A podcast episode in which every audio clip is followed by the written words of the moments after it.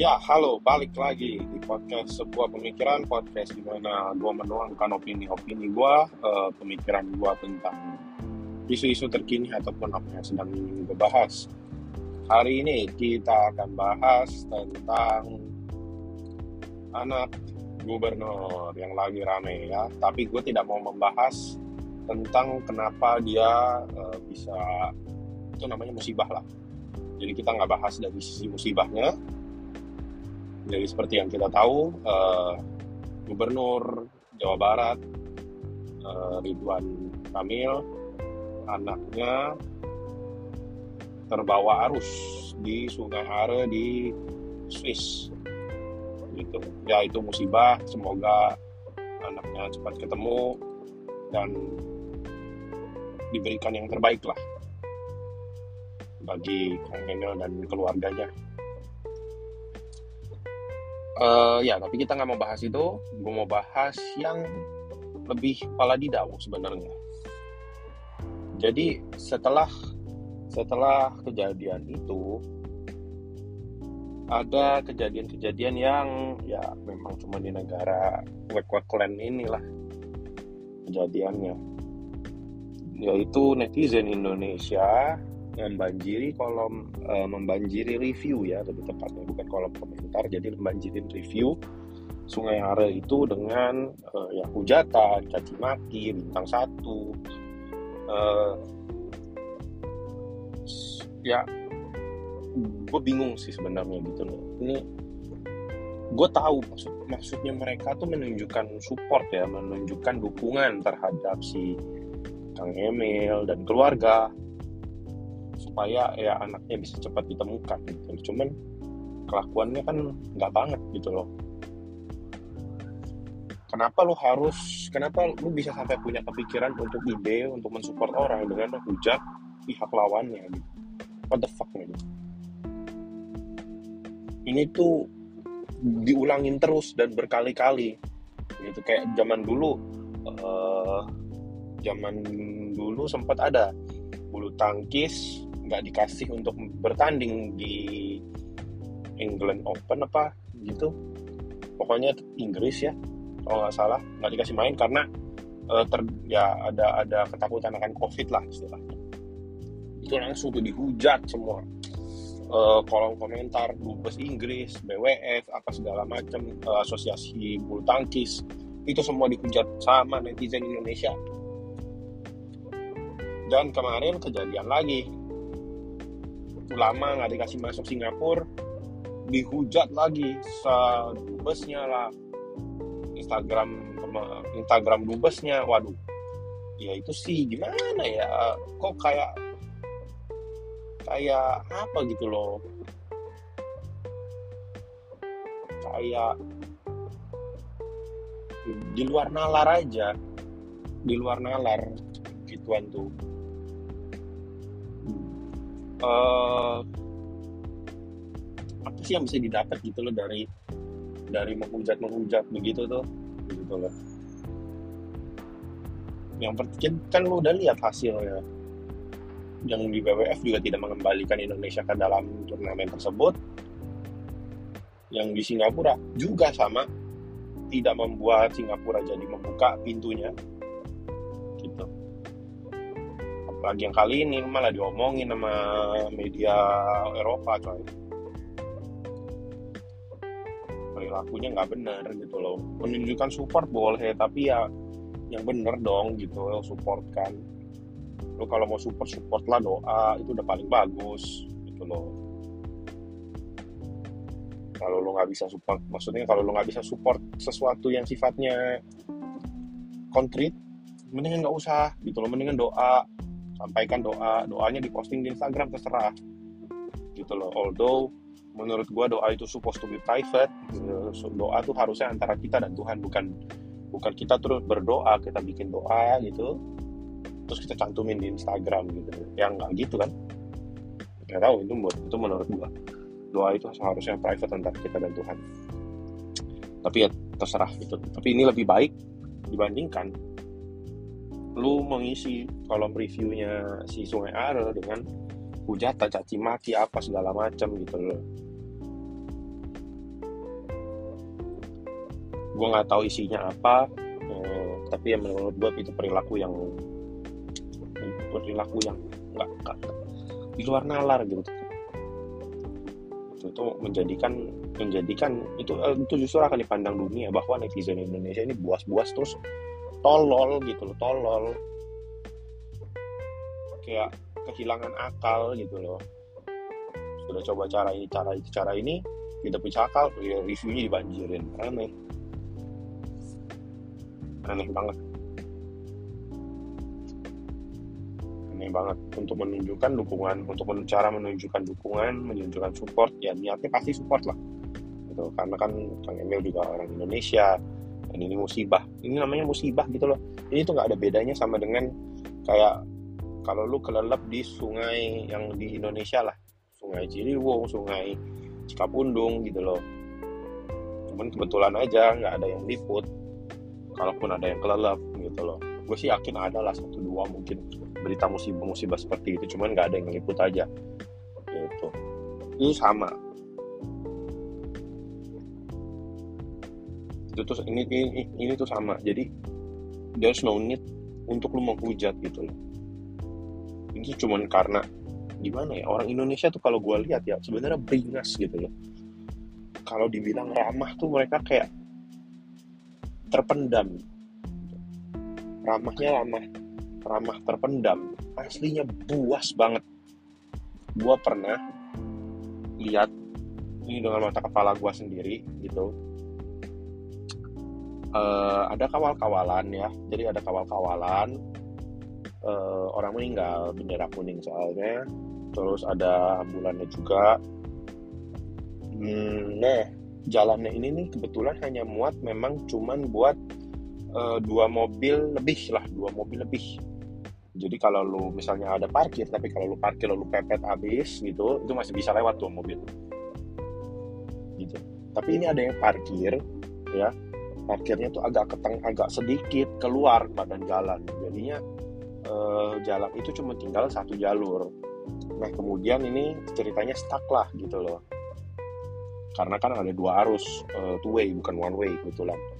Two way uh, yang da, ya si dan gue berada dari arah yang berlawanan dengan si ambulan-ambulan ini, uh, si kawalan orang meninggal ini, gitu.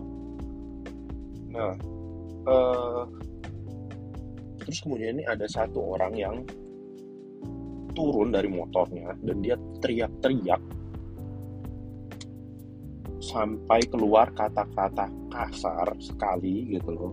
Ya you know lah kata-kata kasar belakang eh, depannya n belakangnya t. Ya, gue nggak usah ngomong di sini lah gitu loh. Dan itu di, diulang berkali-kali sama dia. Kayak dia marah sekali gitu loh kayak dia mau mau ngegebuk orang gitu. Atas dasar apa?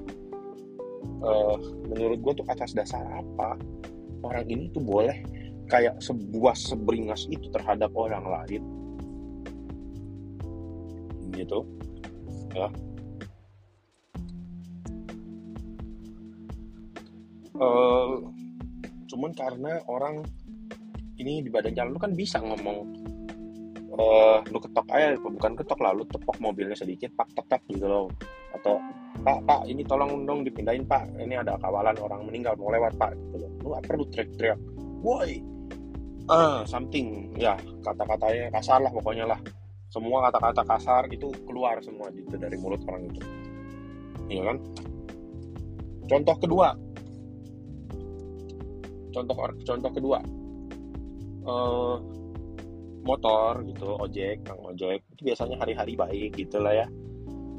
Ini, ini tapi maksudnya ketika ada maling ketika ada misalnya uh, kasus tabrak lari gitu loh apalagi kalau orangnya kabur gitu itu mereka langsung beringas semua sumpah.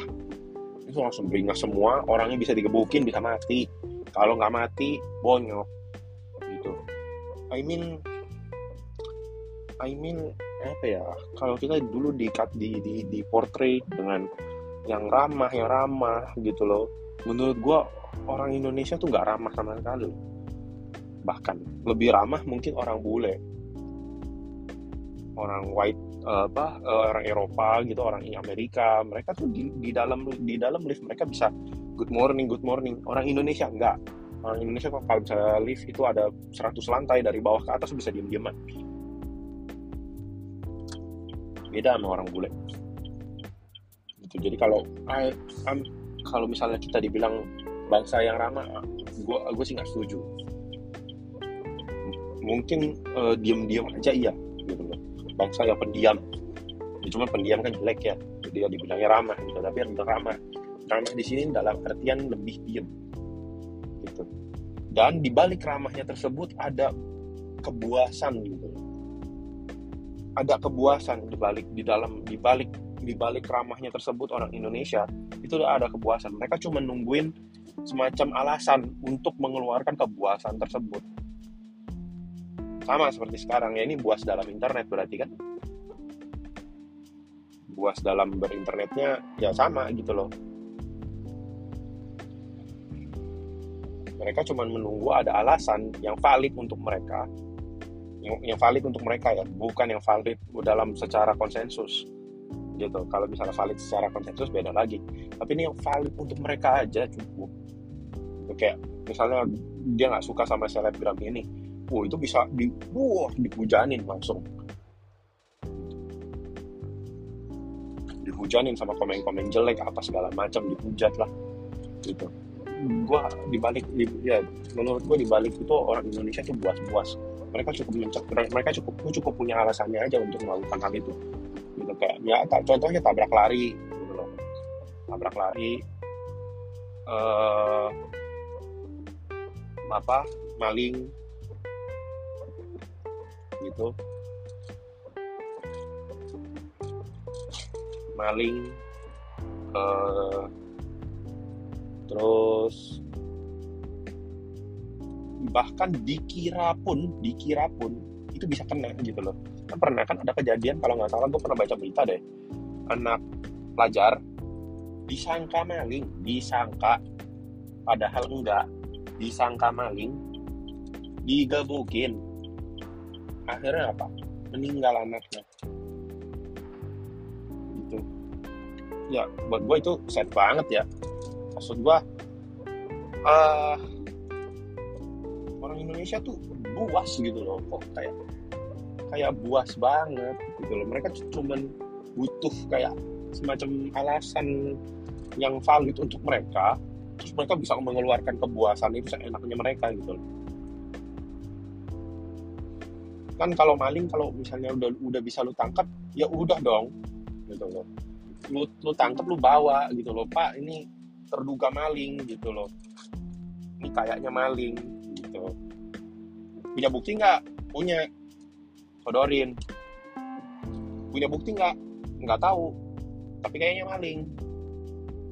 Tapi kan kalau lu bawa ke polisi lu kan melalui prosedur hukum di mana itu bisa dibuktikan atau enggak gitu kalau lu punya buktinya maling itu pasti akan hukum. Nggak perlu lu gebukin. Gitu. Tapi ya memang dasarnya Indonesia ini orangnya buas gitu loh. Kalau ada sesuatu digebukin yang memang uh, apa? Memang memang alasan valid untuk mereka.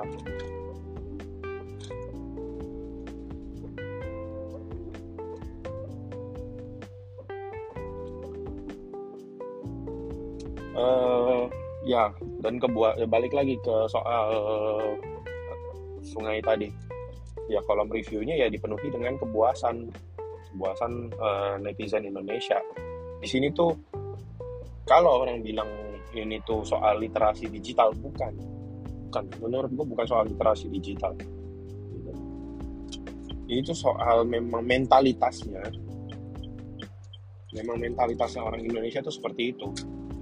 Mereka tuh ramah gitu tapi ketika ada mereka yang benci mereka tuh tumpahin semua. Ini sama, ini sama kayak nangkap maling aneh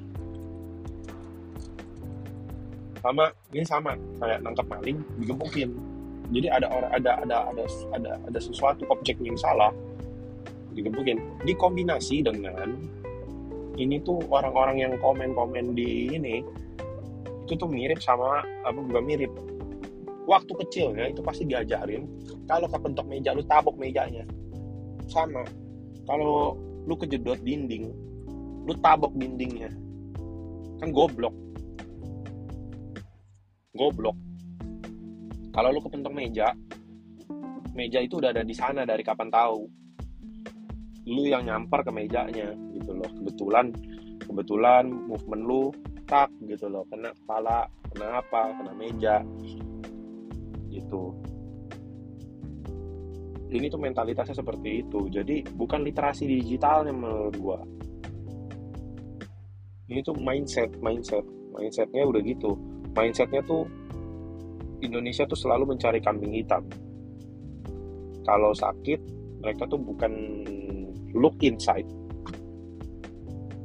Mereka tuh look outside. Siapa yang bisa gue salahin? Gitu. Ini balik lagi ke prinsip uh, ke prinsip uh, dikotomi kontrol. Bahwa ada yang bisa kita kontrol ada yang hal yang nggak bisa kita kontrol gitu loh kejedot meja. Kejedot meja itu nggak ada yang bisa kita kontrol. Apalagi kalau nggak sengaja. Gitu. Mejanya ada di sana.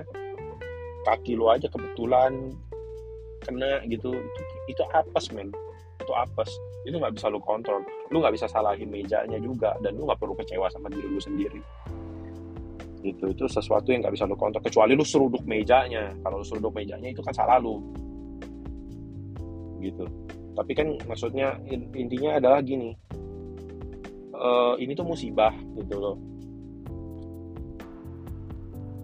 Ini tuh musibah. Tidak ada yang mau sengaja kelelep.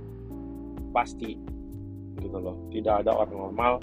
Orang yang memang secara uh, sadar gitu secara sadar sedang tidak dalam pengaruh apa pun gitu loh. Dan juga uh, ya nggak aneh-aneh lah pokoknya intinya lah. gitu. Tidak ada yang mau sengaja kelelep pasti dia sudah melakukan apa yang dia bisa untuk supaya tidak terjadi gitu loh. Orang tuh pasti akan melakukan apa yang dia bisa.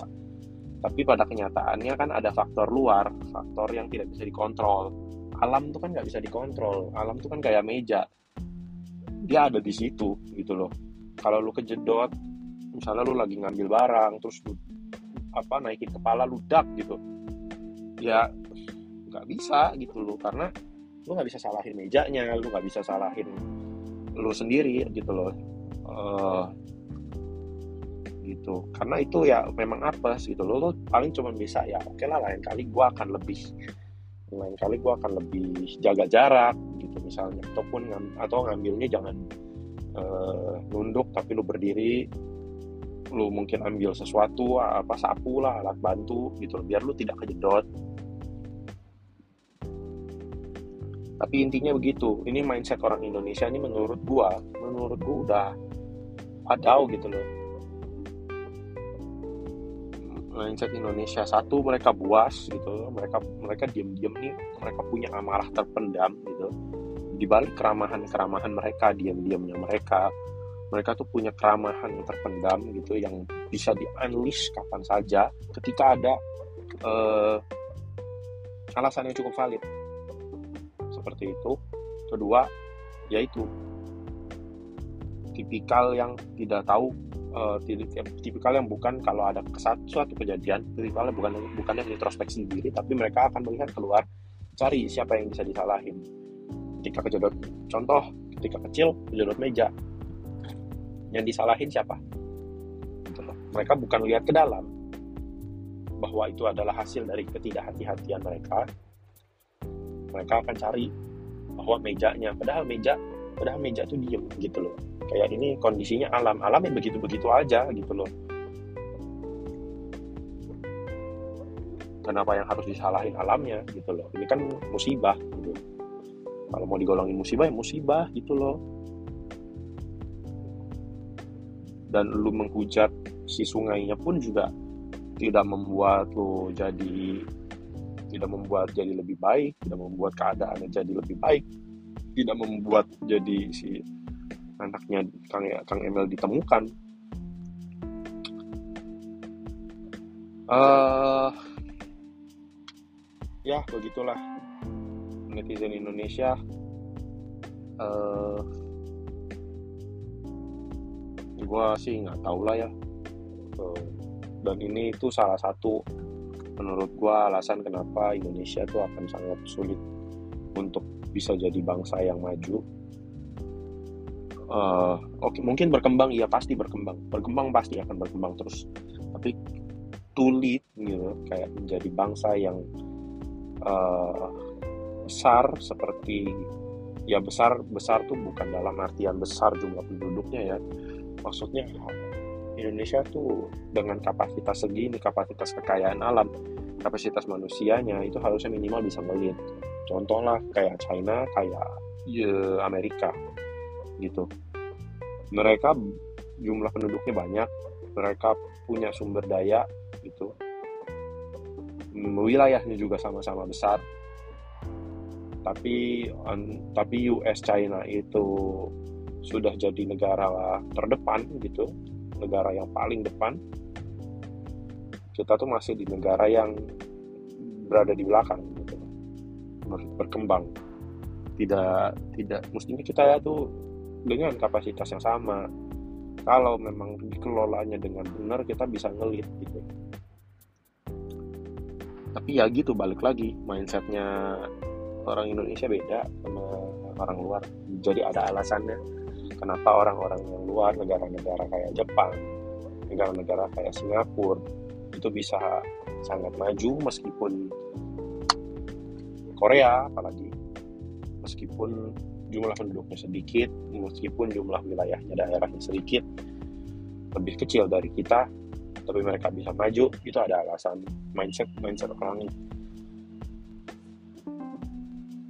Kalau mindset selama mindset orangnya masih yang aneh seperti itu yang wadaw, wah nggak tahu kapan ya Indonesia bakal maju ya. Gue bilang sih nggak akan sih. Nggak akan pernah nggak akan pernah leading. Kalau mindsetnya masih seperti itu. Uh, so oke. Okay. ya pembicaranya juga udah melebar udah melebar ke mana-mana. Yang penting mau gue sampaikan intinya adalah itu uh, bahwa menghujat sungai jangan melulu lah gitu loh jangan melulu. Kalau ada sesuatu yang memang tidak menguntungkan untuk Indonesia ya uh, coba dihargai yurisdiksinya apa otoritasnya mereka gitu. Itu tuh harus belajar menghargai otoritas uh, seseorang gitu. Otoritas seseorang seorganisasi senegara.